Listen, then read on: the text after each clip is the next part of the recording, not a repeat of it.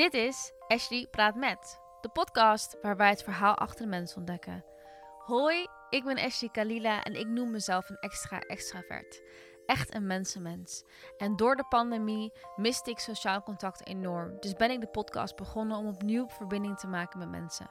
Verwacht echte, diepgaande gesprekken die inspireren, je raken, je aan het denken zetten en ook nog eens erg interessant zijn. Volg de Instagram at Praat met podcast en delen met je vrienden is natuurlijk hartstikke leuk. Ben je echt mega fan, dan kan je ook een donatie schenken. Ga naar www.ashleypraatmetpodcast.nl forward slash doneren voor alle info. Elke euro wordt natuurlijk enorm gewaardeerd. En nu geniet van de aflevering en ik hoor graag wat je ervan vond.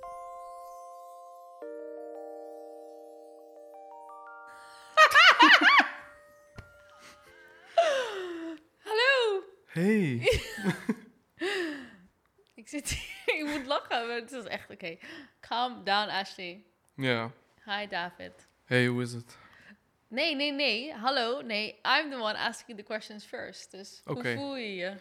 Ja, ik voel me goed. Ik voel me op mijn gemak. We hebben net lekker een patatje gegeten. Ja, favoriet is uniek weer. Even shout-out. Was echt nice. Was echt lekker. Ja. Wat heb je op? Ik heb een eh, patatje... je hoeft niet zo dicht bij de microfoon te gaan zitten. Nee, maar ik zit, ik zit gewoon... Nee, maar ik zit gewoon flex. Ik zit gewoon goed. Maar ik heb net een patatje met op. En ik heb een uh, frikandel speciaal met curry. Normaal doe ik dat nooit. Ik neem normaal ketchup. Maar het was wel nice. Dus Gerben en Alex, als je aan het luisteren bent, blijkbaar is de frikandel speciaal met ketchup en niet met curry in Rotterdam, toch? Ja, ik vind van wel. Oké. Ik zal het doorgeven aan ze. Nou ja, ze moeten gewoon luisteren. Ja, inderdaad. Luisteren gewoon. Gewoon luisteren. Ik vind het echt heel leuk dat je hier bent, want ehm, je woont eigenlijk helemaal niet in Nederland. Nee, true. En ehm, want je woont in Letland. Zie, ik woon in Riga sinds 2019. Ja. Ja. En het is wel echt best wel tof, want we hebben dus... eh, jij bent ook bevriend met mijn vriend. En eh, we hebben hem dus laatst verrast. Dat best wel, ik ga even side story Ja, gooien ja. hoor. Ik was met, aan het appen met eh, David, omdat hij heeft de Stuart van Heumen... eh, zeg maar hier eh, aangeraden op, op de podcast. en hij, dat was nummertje 18 op de podcast, is Stuart. Dus ook luisteren als je wil. En toen raakte ik weer in contact met David. En we hadden toen elkaar echt al meer dan anderhalf jaar niet gezien. Klopt, ja. En, eh, maar mijn vriend wist helemaal niet dat jij in, in Nederland was. Nee. Dus toen, ehm, een paar weken geleden, had ik dus mijn vriend op de bank gezet met oordopjes in. Naar luisteren naar Foo, Fight, Fi- zo, naar Foo Fighters. En met een, ehm, Hoe noem je dat? Een nee, oogmasker. een oogmasker. Nee, nee. je- een zeggen- blinddoek. Een blinddoek. oogmasker. Ja, het is wel een oogmasker. Ja? Nee, Ik twijfel nu. een oogmasker is bijvoorbeeld met komkommer of zo, toch? Oh ja. Nee, het was gewoon een... eh, hij een was blinddoek. geblinddoekt. Ja, ja. Met muziek in. Ja. En hij had niet verwacht dat ik er zou zijn. Want hij verwachtte dat ik in Letland zou zijn. ja, En toen was ik daar. het was zo leuk. Dat was echt nice. Ja, echt leuk dat we dat gedaan hebben. Ja, lekker gegeten ook weer. Ja. Stampot, heerlijk. Heerlijk. Maar goed, dus heel leuk. Even een side story erin. Mhm. Letland. Vertel even, waarom Letland?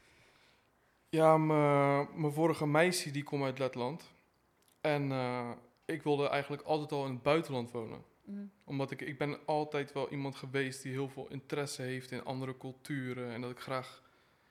Ik wil graag andere mensen leren kennen. En ik wil gewoon een beetje de wereld zien.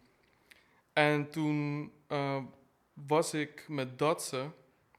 En We lachen omdat we hadden dus ge- eigenlijk afgesproken dat we... geen namen zouden noemen. Maar dat maakt ook allemaal niet uit, joh. Hey dat, die luistert, gaat sowieso Hey Datsie. En eh, toen eh, was ik eh, met... Dit is mooi, hè? Nee, maar toen was ik dus met Datse. En toen... Zij is Lets. En toen zag ik...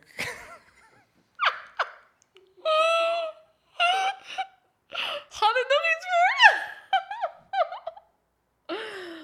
Oké, oké. Even moeilijk. We moeten even rustig weer worden. Maar dit hoort erbij. Ik ga het ook gewoon niet er- knippen. Nee, niet knippen. Dit is leuk. Dit is hoe, hoe het hoort. Want zo, zo gaat dat gewoon. Maar ik was dus met Datsie. En toen wilde ik graag in eh, het buitenland gaan wonen.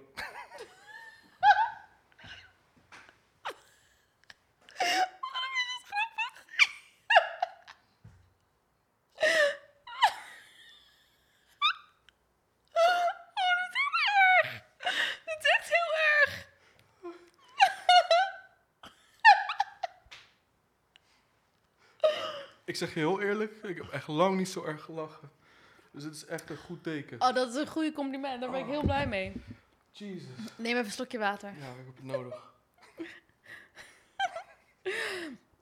Wij zijn eigenlijk altijd zo. Wij lachen heel veel. Mm. Weet je nog bij dat oude huis van mij? De Schravenweg. Met die enorme tuin. Ja. Dat we de- dat hout gingen stelen. Dat dan Barry ook ehm, dat hout ging hakken. En dat hij dan helemaal in zijn element was. Ja, niet normaal. Maar ik, wil, ik wilde dus graag in Riga wonen. En toen ben ik daar eigenlijk naartoe verhuisd. Kom op. Het spijt me echt. Oh god. We zijn volgens mij nu al bijna drie minuten aan het lachen. Dit moet je op een gegeven moment wel gaan knippen, want dit duurt te lang. Nee, nee, boeit me niet. Oh. Nee, ik, ik zet het gewoon erbij. Ik zet het gewoon onder. Bij de podcast zeg ik... Nee, Maar, de eerste hebben, vijf minuten zijn alleen maar gelach. maar ik heb met jou echt vaak slappe lachmomenten. Ik weet echt niet waar dat vandaan komt, maar het is wel Nou ja, ik ben gewoon grappig, toch? Ja, nee, sowieso. Oké, ja. Nee, ik, ik ook. Weet we hebben gewoon een beetje hetzelfde humor of zo, lijkt wel.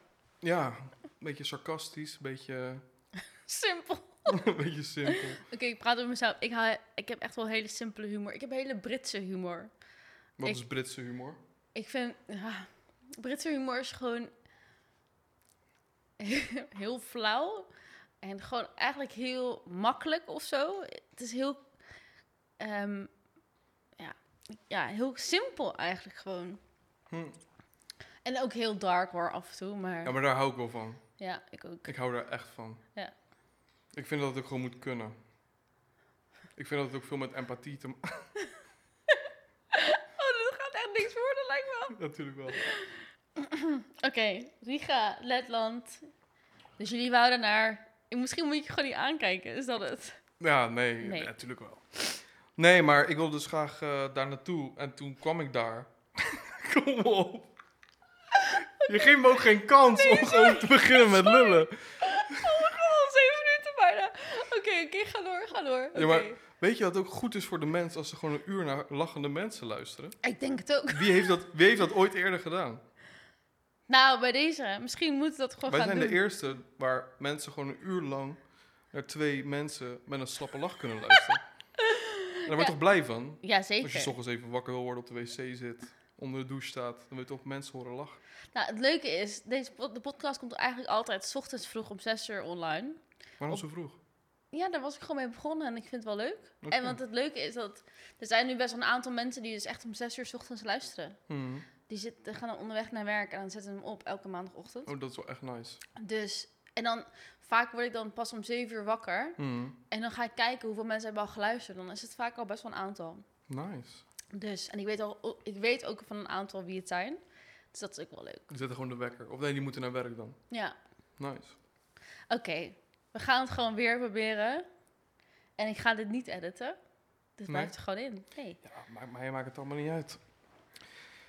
En, en sorry, maar als iemand, als iemand de podcast uitzet omdat we aan het lachen zijn... Dan ben je sowieso zuur. Ja, Dan moet je niet eens luisteren. nou ja. Oké, Riga, Letland, let's go. Ja. Dus daar gaan wonen. En dat was een hele ervaring, want het is echt een heel ander soort omgeving en cultuur. En ik vond het eigenlijk wel heel speciaal om dat zo mee te maken. Want vaak als mensen zeg maar, naar het buitenland gaan, gaan ze naar Australië of gaan ze backpacken in, eh, weet ik veel, Zuid-Amerika. Ja, of zuid gaan ze naar Indonesië. Dus Ja. ik kwam daar in dat land. Daar spreken ze niet echt goed Engels ook. Niet veel mensen. En eigenlijk was het voor mij een hele uitdaging. Natuurlijk had ik het wel het geluk dat dat ze natuurlijk lets is. Dus dat was mijn... Daar kon ik altijd op terugvallen. Maar toch moet je het wel gewoon regelen daar. En zo'n beetje... En het is twee keer zo groot als Nederland. Superveel mooie natuur. Dus ik voelde me daar wel echt... eh, het was wel echt goed voor mij geweest Ja, om daar naartoe te gaan. Ja, het heeft me wel echt veel gebracht. Dus dat vond ik echt wel nice. En eh, ja, ik woon er nu nog steeds. Want ik heb het dan uitgemaakt, eh, de, rela- de relatie met eh, dat is voorbij. En ja, nog steeds daar gebleven. je hebt toch voor gekozen. Toch voor gekozen om nog steeds te blijven. En ik voelde me daar ook op een gegeven moment meer thuis dan in Nederland. Oh ja? Dat ik terugkwam naar Nederland en dat ik gewoon dacht van... Nee, dit is, mijn, dit is mijn huis niet meer, mijn thuis niet meer. Hm. En Wel bizar aangezien dat in een best wel hele korte tijd is gegaan eigenlijk. Want ja, daarvoor woonde je gewoon... Want hoe oud ben je nu? zeven, bijna 27, volgende week. Oké, dus je- toen je 24 was, ging je naar Letland. Ja, nu je het zegt. 2019, eind 2019. Hij kan niet eens... Ja, ik denk het wel. 24, 25, Ja. zoiets. Ja. Maar een van de beste keuzes die ik ooit heb gemaakt, denk ik. Ja. Naar het buitenland gaan. Ik denk dat iedereen het eigenlijk zou moeten doen. Want Ja. je, komt, je gaat toch uit een soort bubbel. En je gaat toch ook anders naar Nederland kijken. Op een goede manier, maar ook op een manier waarvan je dingen kan leren. En wat vind je dan zeg maar, het grootste verschil tussen Letland en hier? Ehm, hier zijn mensen echt heel erg eh, gefocust op status. Weet je, je gaat naar de basisschool. Je, komt al in hetzelfde groepje terecht bijvoorbeeld. Je hebt allemaal die eh, dezelfde doelen en de middelbare school. En dan eh, op kamers en dan naar huisje en dan dit en dat. Het is best wel uitgepland. Ja, het is best wel gepland. We hebben hier heel veel luxe. En omdat, er, omdat wij hier zoveel luxe hebben... En zeker niet iedereen heeft die luxe. Je hebt ook mensen die het niet luxe hebben. Maar door die luxe en door de kansen die je hebt in Nederland... wordt er altijd een soort vergrootglas gelegd op alles. En dan heb je ook op- veel mensen die gewoon... veel aan mierenneuken zijn, vind ik. En in Letland is het meer van... daar werk je om te overleven. Omdat je gewoon moet. En daar Ja. geniet je ook anders van dingen. Kan je een voorbeeld geven? Ja, weet ik veel. Ja, ik ben sowieso niet echt van het uitgaan. Ik hou meer gewoon van feestjes thuis of met mensen, met vrienden. Maar als je bijvoorbeeld uitgaat in Nederland, dan is het gewoon allemaal status en allemaal kijken naar wat iedereen hebt. En in Letland is iedereen gewoon lekker zijn ding aan het doen. Ik denk dat ik het een beetje kan vergelijken met die Berlijn-vibe, weet je wel. Ja. Dat iedereen gewoon lekker op zichzelf is en ook met elkaar, maar dan op een hele respectvolle en chille manier. Mhm. Ik hou wel van die vibe. Ja. Ja. En ze staan daar allemaal gewoon ook wat dichter bij de natuur. Is het misschien dat ze wat... Ze zijn levensgenieters, maar Mhm. wel echt met minder kwaliteit leven eigenlijk. In de ogen van westerse maatschappij hebben ze het minder goed dan wij als Nederlanders. Ja. Maar toch genieten ze meer van het leven. Ja, ik vind, ja, nou, ik vind van, eh, voor mij is het meer genieten om daar te zijn. Ik weet niet of hun het zo ervaren. Ja, Want hun zeggen natuurlijk, je komt uit Nederland, wat doe je hier? Ja. Daar zijn de kansen. Maar voor mij voelt het als genieten, omdat ik ook altijd, denk ik wel, die luxe heb om terug te kunnen vallen op Nederland. ja. Dus ja, voor mij, ik wil wel vanuit mijn eh, perspectief dat eh, ja, vertellen. En, en ben je van plan om daar te blijven? Ehm, denk het niet. Ik voel wel een beetje dat ik Letland een beetje heb uitgespeeld of zo. Dat ik er wel een beetje alles uit heb gehaald dat ik eruit kon halen. Ik zou er altijd naar terug gaan. Ik heb daar ook vriendschappen ge- gemaakt. En ik heb er wel echt veel aan gehad. En ik vind het land zelf ook prachtig. Maar ik zou daar niet... eh, Ja, misschien als ik ooit onwijs veel geld heb... dat ik daar dan een huis ergens in het bos koop... en dat ik daar ga zitten. Maar voor nu heb ik te veel ambities en dromen die ik wil najagen. En daarvoor in, ja, in Letland zitten is niet echt de way. Mhm. En wat zijn de dromen en ambities? Ja, gewoon eh, de wereld zien, eh, muziek maken, eh, mensen leren kennen. Je hebt er wel in Letland een soort... Je merkt wel dat mensen het ook lastiger vinden om daar hun dromen na te jagen, omdat het ook gewoon allemaal wat moeilijker is. Ja, Dus dan kom je ook een soort in een soort vibe. Ook een beetje die oude Sovjet-vibe hangt er nog een beetje. Dat mensen zich een beetje, ja, kijk, een beetje dood uit de ogen of zo. ja, ze zijn gewoon in survival modus. ja Gewoon. dat. Echt dat. En je kan, als je in survival modus bent, kan je niet... Je, het is één, je bent bezig om eruit te Mhm. stappen. Maar dat betekent dat je, zeg maar, je... Het is net zoals, zeg maar, als je geen eten hebt en geen drinken, dan is Mhm. liefde niet belangrijk. True. Want je hebt gewoon eten en, en drinken nodig. Ja.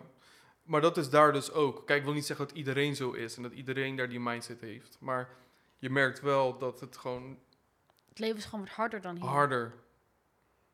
En Ja. ook, het is niet zo heel lang geleden dat natuurlijk met die tijd eh, met de Russen. Ja, nog steeds voeren die Russen druk uit op Letland. Dus eh, ik, begrijp dat wel, maar dat is wel ook gewoon... Je merkt wel dat als je in Rotterdam zit, dat mensen veel meer eh, gedreven zijn in a way. En veel meer die energie hebben en willen gaan. Maar aan de andere kant heb je ook wel weer dat ze letten heel veel buiten zijn en heel veel naar het bos gaan en met eh, gezelligheid. Dat is ook weer. Ik denk dat het ook een beetje ook altijd aan jezelf uiteindelijk ligt. Ja. Met wat voor mensen je wil uh, Ja, ik denk dat je dat sowieso wel meer merkt. Hè? Dat mensen die minder geld hebben, die, gaan veel, die zijn veel meer met elkaar bezig. Het is veel meer een community. Mm. En eh, familie en vrienden en zo zijn heel... zijn sowieso belangrijk voor iedereen, denk ik. Maar je merkt toch in gemeenschappen die het gewoon minder goed hebben... Mm. dat dat gewoon heel belangrijk wordt, weet je. Maar het is, het, is, het is ook belangrijk, want je steunt op elkaar. Je hebt elkaar gewoon echt nodig. Ja, maar ik vind het wel mooi om te zien. Ja, het is iets waar wij in Nederland veel meer kunnen van leren eigenlijk. Ja, tuurlijk. Hier is Want je moet het gewoon samen doen. Ja, hier, eh, wordt er niet, hier ga je niet eens meer naar je buurman toe om bijvoorbeeld suiker te vragen. Dat gebeurt al niet meer, weet je. Ja, Dat is ook allemaal een beetje voorbij. ja. Hey, je zei net muziek. Mm. Laten we het daar even over hebben. Nice. Want je bent een rapper. Ja, Wat is je artiestennaam? Corbeau. Een X aan het eind. een X, ja. Ja. Ja, ik weet niet. Mijn, mijn achternaam is Corbeau en dan zonder X'je. En ik wilde gewoon, ik weet niet, zag er wel fancy uit. En dat is ook het meervoud. Dus ik dacht van, ja, met z'n allen, weet je. Ja. Want Corbeau betekent raaf. Dat is Frans. Oh. En Maar heb je Frans bloed ook? ja, heel ver, ik denk honderden jaren geleden. Ja. Mijn voorouders komen uit Frankrijk. Maar ik dacht van, met een X'je wordt het natuurlijk meervoud. En raven zijn best wel speciale dieren. Wel familiedieren ook. Slim. Dus wel, eh, ik vond het wel mooi om dat dan zo ook mijn artiestennaam te maken. Ja, leuk. Hoe ben je begonnen met rappen? Ehm, ik denk dat ik, toen ik 12, 13 was, dat ik al begon met gedichtjes schrijven. En dan voor mijn moeder bijvoorbeeld. Oh. Ja. En dan eh, op een gegeven moment ook ehm, schilderen. Ik was heel creatief bezig vroeger. Veel schilderen, veel tekenen, gedichtjes schrijven. En op een gegeven moment kwam ik op school. Toen verhuisde ik naar Bergen op Zoom. En dat was eigenlijk na de scheiding. En mijn, mo- mijn moeder komt uit Bergen op Zoom. Zijn we daar gaan wonen. En op een gegeven moment bleef ik altijd wel schrijven. Altijd wel gewoon mijn gevoel opschrijven. En toen leerde ik een paar eh, jongens kennen op de middelbare school in Bergen op Zoom. En toen ben ik eigenlijk een beetje de muziek ingerold. Omdat ik ook wel dat nodig had of zo. Omdat mensen mij niet echt accepteerden in Bergen op Zoom. Omdat ik van Rotterdam kwam. Dat ik een andere mindset had. Mhm. En daar heb ik toen best wel mee gestruggeld. En toen heb ik eigenlijk mezelf ook door alle dingen die er omheen speelden na de scheiding, waar ik doorheen ben gegaan, kon ik zelf echt mijn hart luchten in muziek. Kon ik echt alles daarin kwijt. En dat was voor mij gewoon echt als therapie. En op die manier eh, ben ik eigenlijk gewoon een beetje zo ingerold. Wat tof. Ja. Doe je nog steeds opschrijven? Je gevoelens? Eigenlijk niet. Hmm. Ik schrijf echt heel weinig. Ik schrijf nu alleen als ik in de studio zelf ben. Dus op het moment, moment zelf schrijf ik. Dus dat is eigenlijk wel zonde. Maar Maar mis je het? eigenlijk ook niet. Dat maakt niet heel veel uit, toch? Nee, maar als je gaat kijken naar hoe het je vormt als artiest, het is wel goed om bezig te blijven en je gewoon je, je schrijfskills eh, te onderhouden, zeg maar. Mhm. En kijk, eh, het lukt nog steeds. En die creativiteit zit er nog steeds in. Maar als ik het meer, nog meer zou willen oppakken, zou ik wel meer moeten schrijven voor Ja? mezelf. Ja, dat merk ik wel. Ik merk wel hoe meer je schrijft, hoe mm, creatiever je wordt. Dus dat is wel belangrijk. Ja. Dus je ging begon toen je misschien 14, 15 was met, met opnemen ook? Ja, ja. En waarom rap? Ik heb geen idee. Ja, gewoon die muziek zelf sprak me er- erg aan. Ik vond het gewoon, ten eerste vond ik het gewoon echt keihard. Ik kreeg er echt kippenvel van, weet je wel. Dat ik over straat liep, oortjes in, dat ik dacht van, shit, dat vind ik echt nice.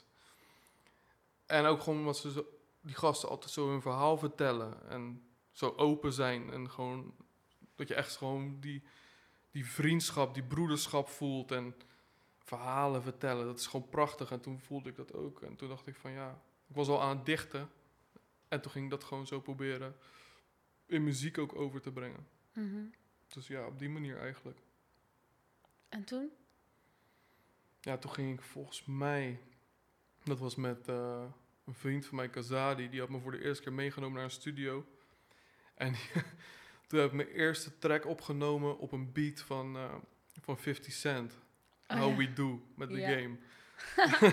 Daar heb ik mijn eerste track op opgenomen. En daarvoor ook wel een keer bij iemand anders. Dat was echt de allereerste keer. Maar echt de, of de eerste officiële track die ik had gereleased... was op de beat van eh 50 Cent en de game How We Do. This is how dus dat was wel leuk.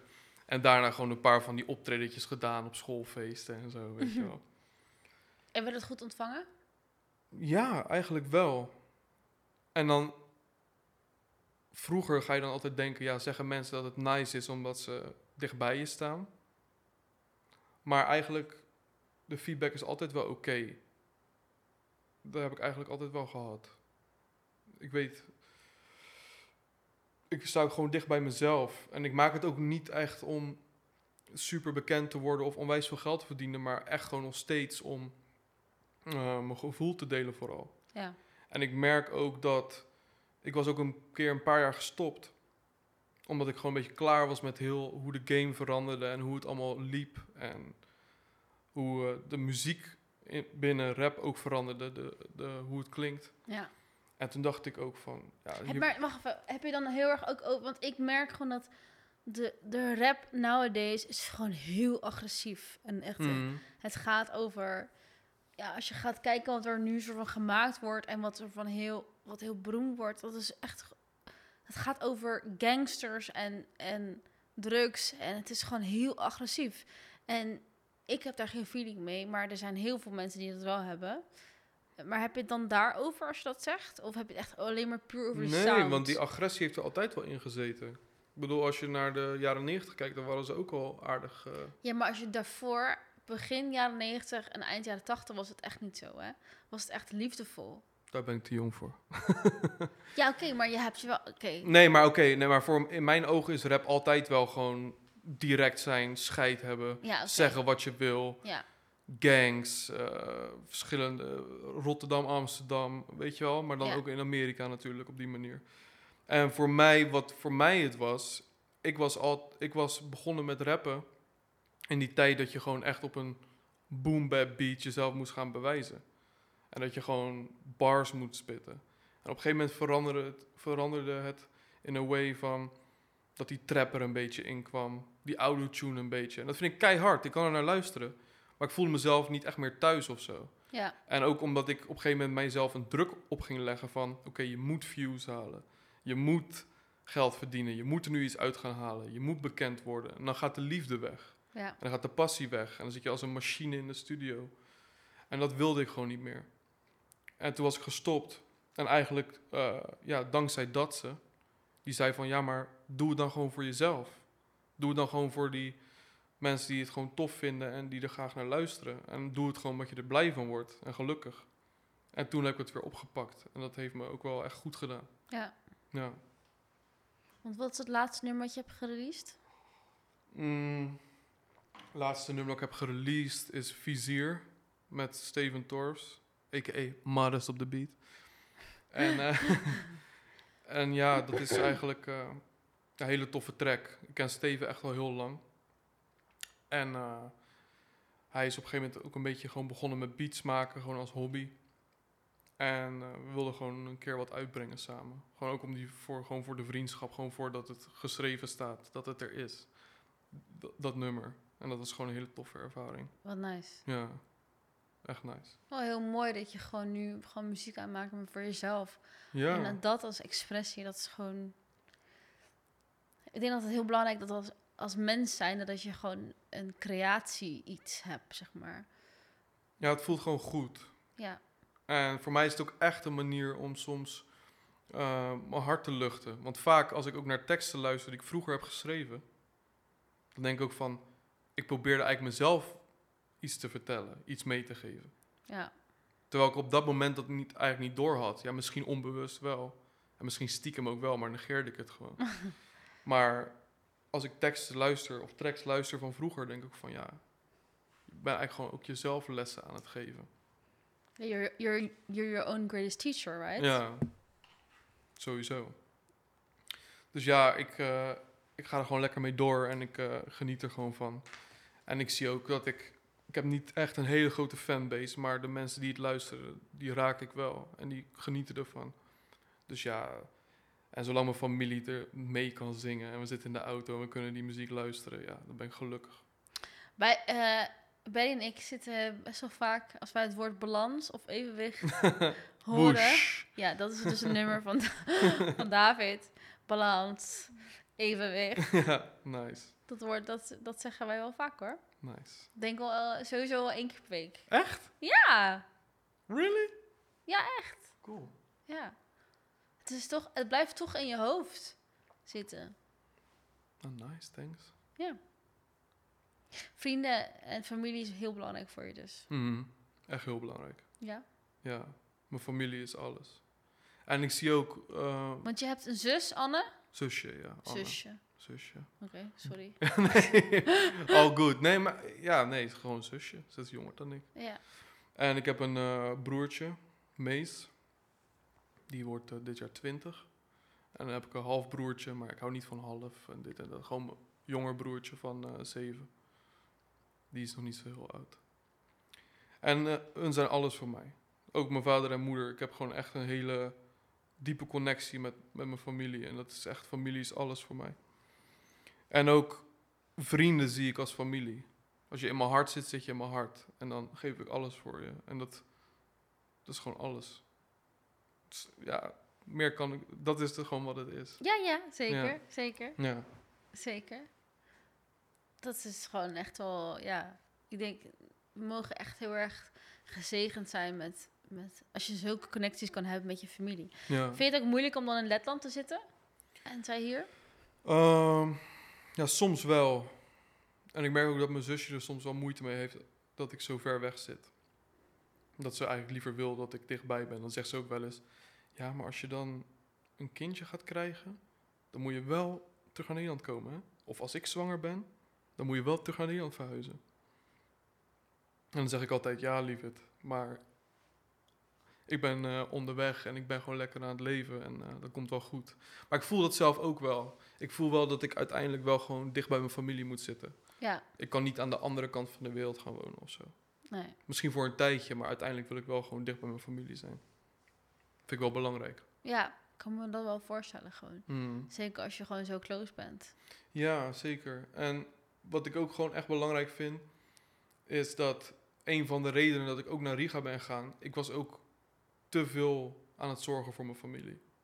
En te ehm influenced bij hoe hun zich voelden. Mhm. En op een gegeven moment nam Je dat bent echt- iemand, jij bent een beetje een spons, hè? Ja, en ik zet mezelf ook graag op de tweede plek. Ja. En uiteindelijk is dat ook gewoon voor mij een stap geweest om te kunnen emigreren.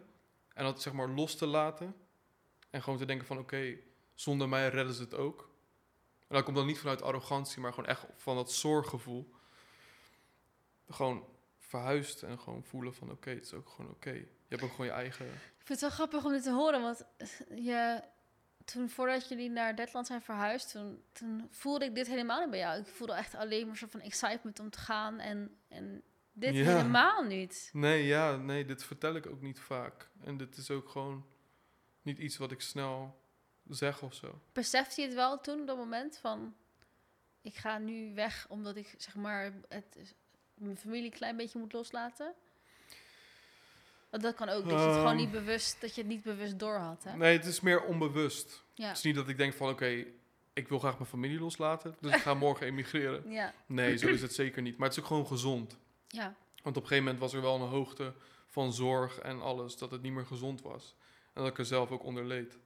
En dat was gewoon niet goed meer. En het is natuurlijk ook een hele makkelijke escape om voor anderen te zorgen om niet bij jezelf te hoeven zijn. Dus voor mij was naar Letland gaan ook eigenlijk een soort, heel fout, zoek toch naar mezelf. nee, maar nee, je komt jezelf echt tegen als je ja, ja ik word lach, maar het was cliché. Maar ja, Ja. cliché, cliché dingen Ja, kloppen maar gewoon. clichés zijn gewoon waar. Ja. Ja. Ook gewoon ho- home is where the heart is, weet je. Zeker. Ook waar. Ja. dat zijn allemaal dingen die ik wel gewoon de afgelopen jaren veel heb beseft. Want je kan het weten, maar het voelen ja, en het beseffen is een, iets anders. Ja. Dat, is het, dat is een tweede ding. ja, Ja. Ja.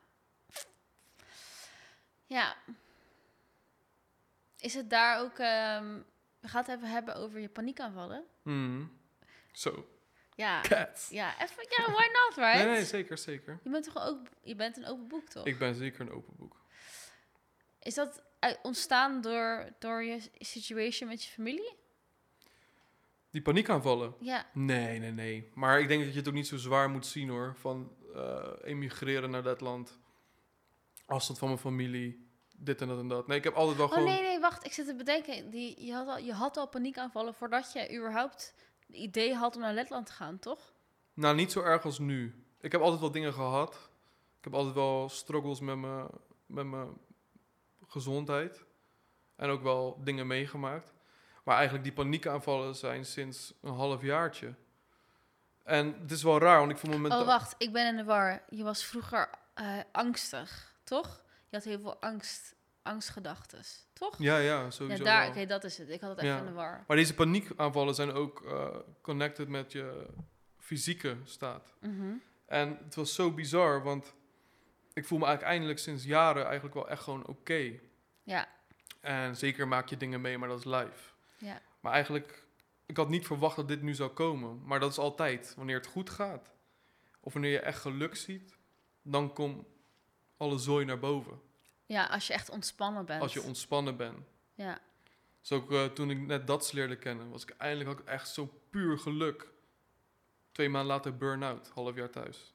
ja, En deze keer ook weer. Ik was ook weer gewoon. voelde me best wel oké, maar op een gegeven moment gewoon paniekaanvallen, hartkloppingen. Zo erg dat ik dacht van ja, oké, dit is het. I'm gonna die. ja, En eh, ja, en nu nog steeds wel veel druk op mijn borst, veel duizelig, veel, ja, gewoon van die stomme fysieke problemen die het met zich meebrengt. Maar het is gewoon weer iets nieuws, het is weer eng. Het is weer begrijpen, accepteren, omarmen, voelen. ja. Weet je al wat de oorzaak is? Ah, live. Ik ben iemand die altijd gewoon maar automatisch piloot doorgaat. En op een gegeven moment zegt je lichaam, eh, ja, het is goed met je. Wat eigenlijk heel erg mooi is. Ja. Want, Maar dat is ook wel een les dat ik mijn grenzen eerder moet herkennen, denk ik. Mhm. En dat is ook gewoon, ja, dat is ook gewoon zo. Maar alsnog, het is natuurlijk niet nice dat het gebeurt. Ook al kan het een les zijn of een fase of whatever. Het is gewoon niet relaxed. Het is gewoon niet chill. Nee, maar ik denk, eh, weet je, als je zo lang zo hard bent gegaan, Ja, dan op een gegeven moment, ja, je lichaam die, die stopt er vanzelf, van, ja, niet stopt ermee, maar die zegt gewoon vanzelf van, ik stop, ik doe nu even de rem erop, weet je. En het is wel, je hebt zeg maar, er moet iets drastisch gebeuren, zodat jij gewoon gaat beseffen van, oh shit, wacht even, eventjes, ik moet hier eh, aandacht aan geven, weet je. ja Dus- en dat is het ook. En ik, ik, als ik in zo'n fase zit die daar vooraf gaat, aan vooraf gaat, heb ik wel altijd al een besef van, oké, dit is niet oké. En ik zie ook de signalen en ik, zie, ik voel ook de grenzen die ik moet respecteren. Maar in hetzelfde moment denk ik van, ja, I got this. Ik ga gewoon door. Want ergens, als je over je grens heen gaat, werkt ook een soort van verdovend, weet je. Mhm. Tot het moment dat het niet meer lukt. Ja, maar je, bent, maar je bent onderzocht toch en zo, met je hart Ja, en ja, mijn hart is onderzocht en dat was wel gewoon oké. En het eerste wat de dokter ook zei, was waarschijnlijk gewoon echt een hele heavy paniekaanval. En dan zei ze ook van, ja, dan voel je ook en dan denk je ook dat je doodgaat, als je het niet kent. Maar nog steeds wel een beetje met onderzoeken bezig. Maar voor de rest, eh, ja, gewoon veel proberen te slapen. Ja, want is er, eh, ja, ik, hoe, hoe verhelp je dit? Eh, Wat is de plan ik heb van geen aanpak? idee. Nee? Ik doe het nu gewoon met drinken. Ja, is wel waar, toch? Nee, ja, ja een beetje. Nee, af en toe neem ik wel een sappie. Maar eh, nee, kijk, ik denk dat het beste medicijn voor dit is misschien gewoon weer een kans geven om een keer met iemand te praten. Mhm. Want ik heb dat vroeger wel geprobeerd, maar het lukte nooit. Mhm. Maar misschien ben ik daar nu wel ready voor om over dingen te praten en dingen een plek te geven. Ehm, ja, gewoon gezond eten, sporten, met mensen zijn, slapen, rustmomenten pakken. Een keer zeggen van nee, ik, ik blijf niet gaan en ik ga gewoon een keer rust pakken. Ik denk dat die dingen sowieso wel helpen. En voor de rest eh, moet het gewoon weer eh, ja, overgaan. Denk ik. Ja. Ik weet het dan. Ja, het is ook best wel recent, weet je. Het is ook net, dus ik weet ook niet. Het duurt altijd wel even. Hoeveel heb je al gehad? Paniekaanvallen. Ja. Ehm, nu drie.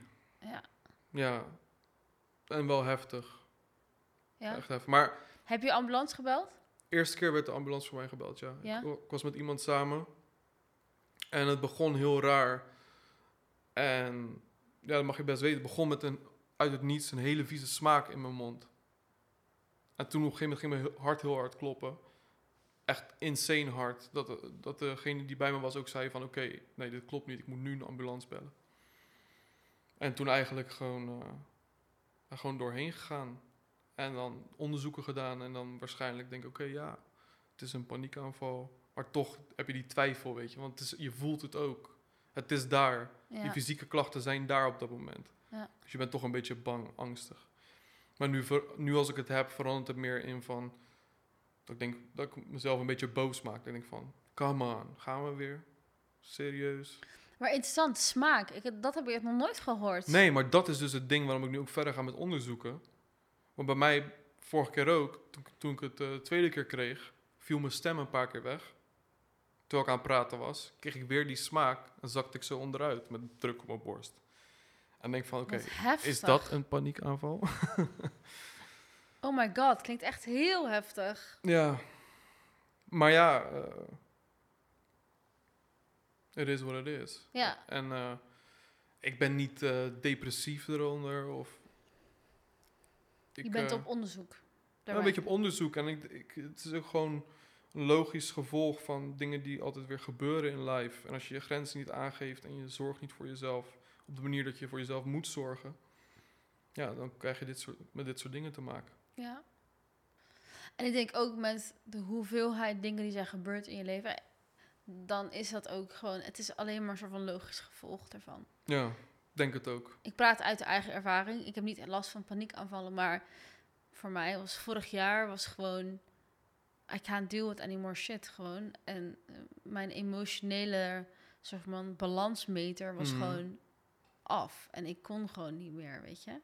Ja. alle emoties waren gewoon volledig op de oppervlakte.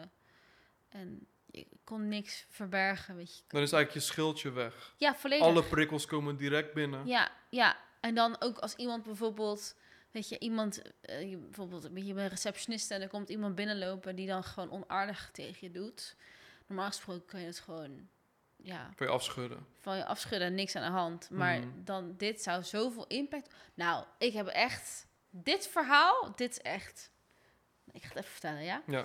Ik was aan het wandelen naar de supermarkt met mijn vriend. En we waren bij mij om de hoek. En ehm, twee heren waren, twee mannen waren aan het babbelen met elkaar, weet je. En eentje had een hondje en whatever. En eh, ik zeg gewoon heel doodgewoon normaal. Hallo, weet je, hallo. Mhm. We zijn een soort van halve buren. We wonen in dezelfde wijk. Ik heb het nooit eerder gezien, maar als je daar loopt, dan, dan woon je gewoon een beetje bij mij in de buurt. Ja. Zegt een van die mannen, loop gewoon door, joh. Nee, joh. Echt. Nadat je hallo zei, Ja. En ik, ga weg. ja, en ik echt zo, wat? En ik draaide me, ik, ik liep een beetje door, ik draaide me om, ik zo, meneer, als jij, eh, ik was alleen maar gewoon vriendelijk aan het doen. Je had ook gewoon niks kunnen zeggen, dat was ook geen probleem geweest. Maar dat je zo zuur bent dat je dat tegen mij moet zeggen, Ja, dat kan, toch kan niet, echt niet. Kan niet, joh. Kan echt niet. En weet je wat hij deed? Hij ging lachen. Nou, echt.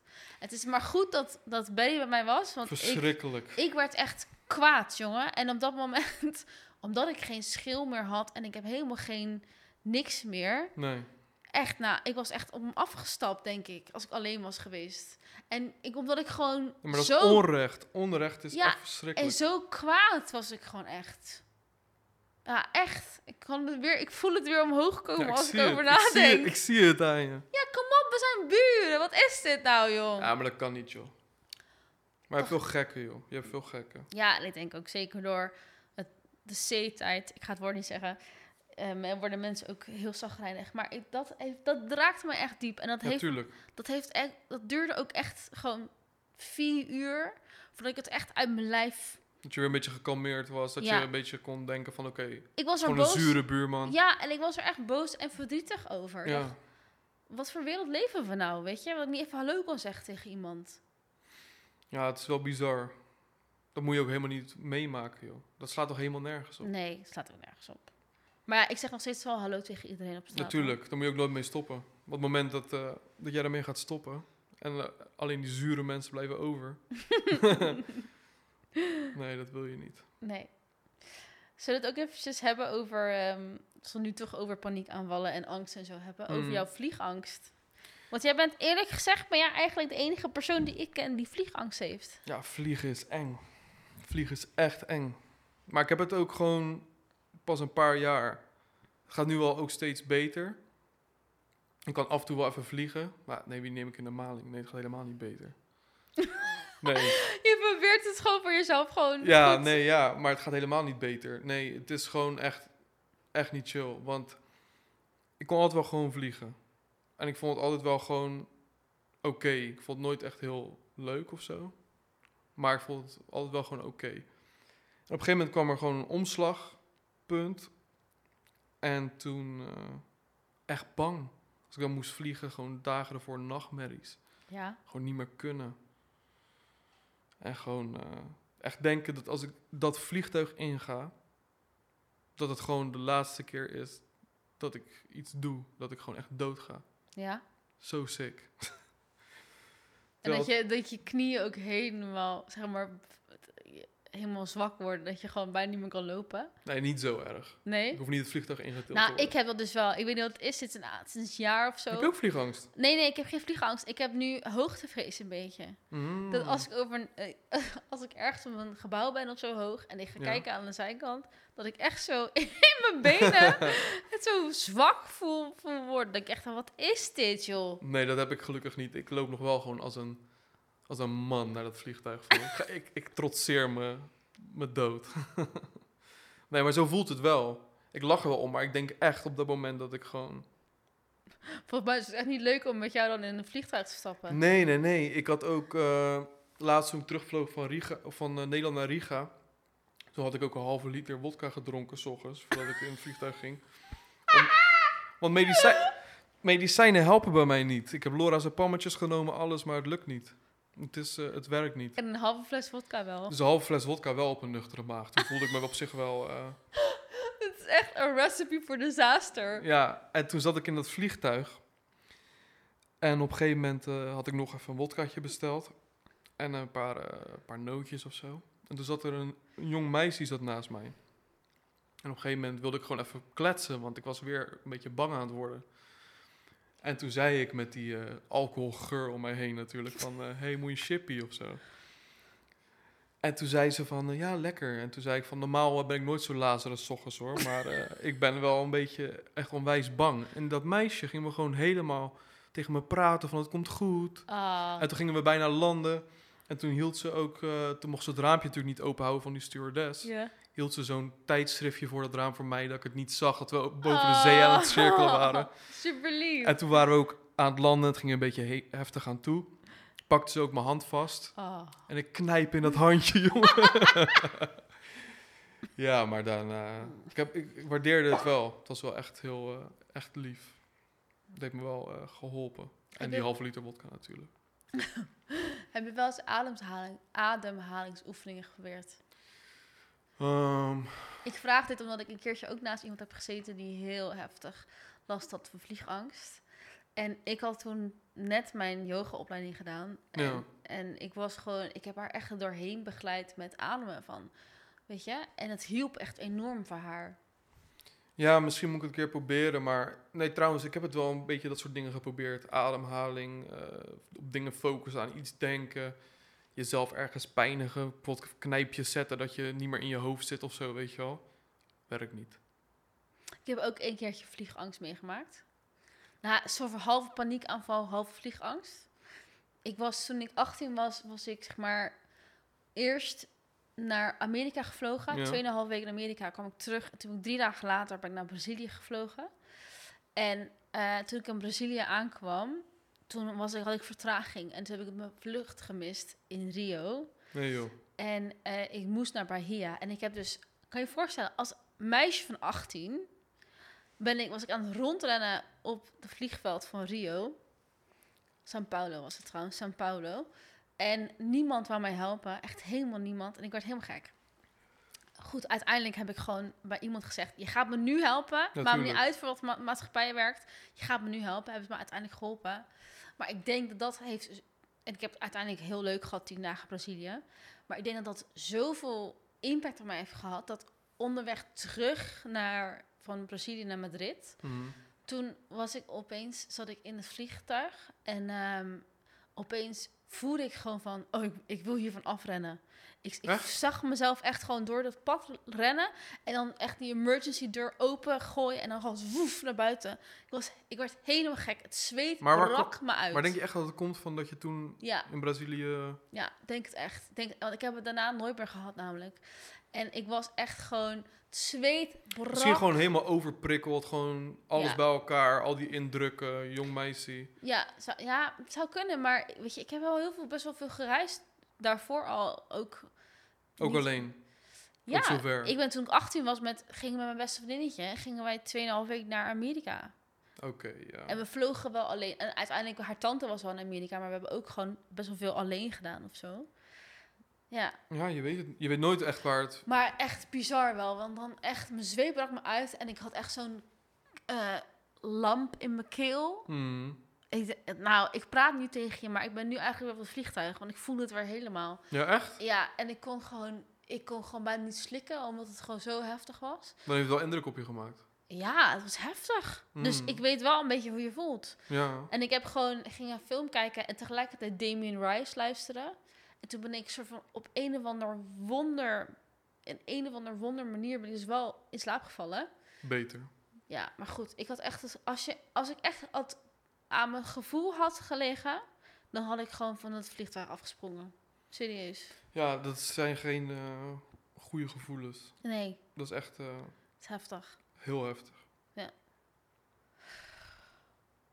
Wat zijn wel goede gevoelens? Goede gevoelens.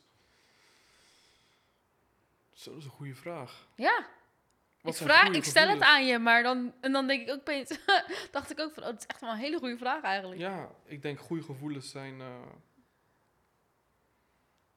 voor mij, als ik voor mezelf spreek, een liedje maken, Ja? ehm, lekker uit eten gaan, Oh. goed eten, soul food, Ja, want oké, daar hebben we het helemaal niet over gehad. Je bent kok geweest. Bas, ja. Ja, ook gewoon zomaar ingerold en uiteindelijk wel gewoon zeven jaar blijven hangen. Ja.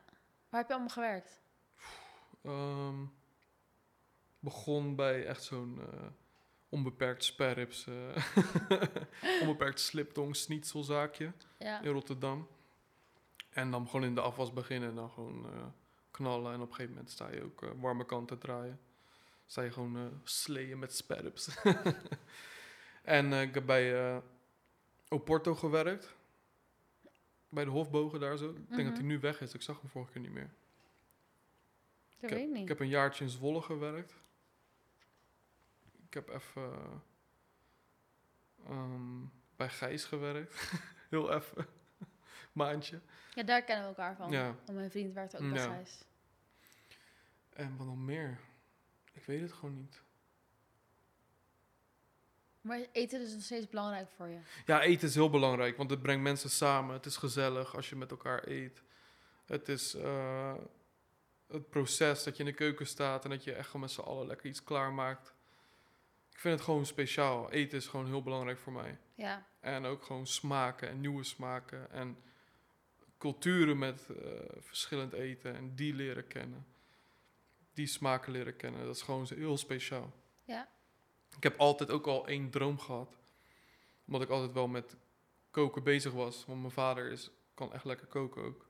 En ik was altijd met muziek bezig. Mhm.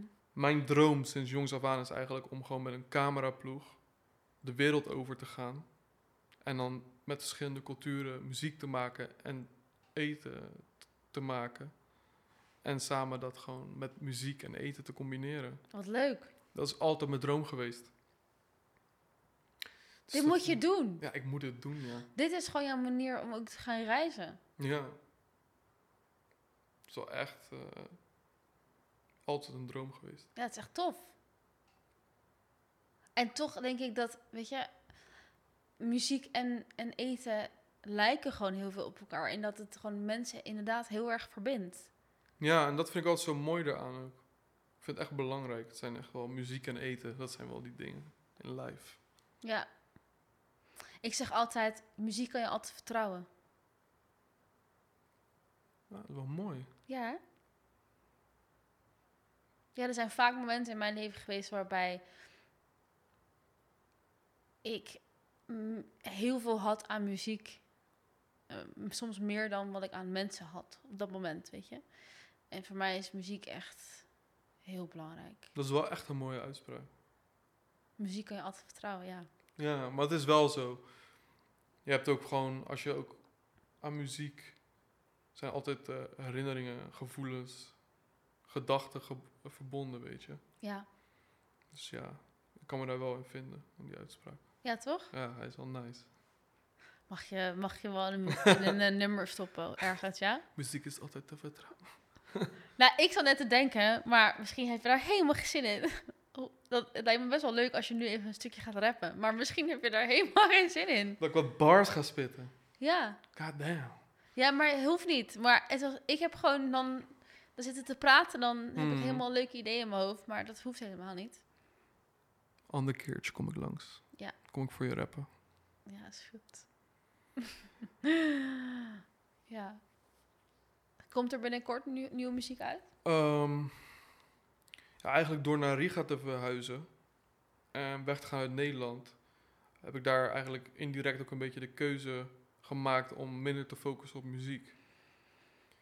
Dus ik kan wel opnemen in dat land, maar het is niet the same. En Mhm. ook vanuit Riga, zeg maar, je projecten afmaken en achter mensen aan zitten. En ja, gewoon afmaken van muziek is gewoon lastig. Ja. Dus elke keer als ik in Nederland ben, dan ga ik wel met, eh, met Roy Lobbezo, goede vriend van me. A.k.a. Baus Music, Baus. Ehm, ga ik wel de studio in. En dan maken we wel wat. Echt in een Mhm. half uur hebben we dan iets liggen of een uurtje. Maar het is niet dezelfde energie of tijd die je er eigenlijk in zou moeten steken als je gewoon echt lekker eh, muziek wil maken. Maar dat staat ook weer verbonden met dat ik het eigenlijk gewoon maak voor mezelf. Ja, Dus ik vind het wel gewoon oké. ja. En zeker heb ik wel eens soms het idee van ik wil meer in de studio zitten en ik wil meer muziek maken. Mhm. Maar ik vind het nu wel gewoon oké. Ja. Kan altijd. Ja. Nog. Wanneer voel je het meest jezelf? Ehm, Dat is de laatste vraag, by the way. hoe gaat tijd zo snel? Ja. Oh, nice. Ja. Wanneer voel ik me z- me meest Het is trouwens, zelf? als je zeven minuten aan het lachen bent aan het begin, ja, dan gaat tijd zeker snel. Ja, zo, ja. Maar ik vind het wel echt... Dit is wel een mooie intro. Ik vind het Ja. echt wel echt nice. Ik heb echt lang niet gelachen ook. Oh. Echt op die, nee, maar op die manier. Oké. Ik heb echt... Ik vond het echt leuk. Nou, laten we dan moeten wij even vaker gaan videobellen of zo. Ja, ja. maar wat wilde ik zeggen? Wanneer voel ik me het meest het zo? Als ik gewoon met mijn mensen ben. Gewoon... eh, en wanneer ik... eh, wanneer ik gewoon goed ben met mezelf ook. Wanneer ik vrede heb met, met de dingen die ik doe. Met de dingen die ik voel. Met de dingen die ik denk. Dan voel ik me meest het zo, met mezelf. Het zelf. mezelf. Is dat vaak de laatste tijd? Steeds meer. Het is altijd een soort ding dat je altijd weet en begrijpt. Of denkt te begrijpen wat je voelt en hoe je handelt. Mhm. En ik zit er altijd wel vaak in de buurt van dat het klopt. Maar om het dan, wat ik ook aan het begin zei, om dat echt te beseffen en het te leven en te omarmen en te accepteren is even wat anders. Ja. Maar ik merk wel met de jaren dat ik steeds meer dichter bij mezelf kom. Mooi. Zie. Goeie einde, denk ik. Ja, nice. Thanks for having me. Ja, thank you for being here. Echt, ja, eh, ik vond het echt nice. ik vond het ook heel leuk. Ik vond, ook, ik vond het echt geweldig. ja, ik ook. Ja, Dankjewel. thanks.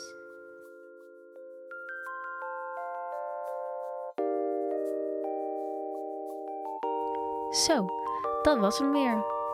Ik hoop dat je dit een interessant gesprek vond. Zo ja, wil ik je vragen om te abonneren op de podcast en ons te volgen op Instagram, Ashley Praat met Podcast. Delen en een review achterlaten wordt enorm gewaardeerd. Tot de volgende keer.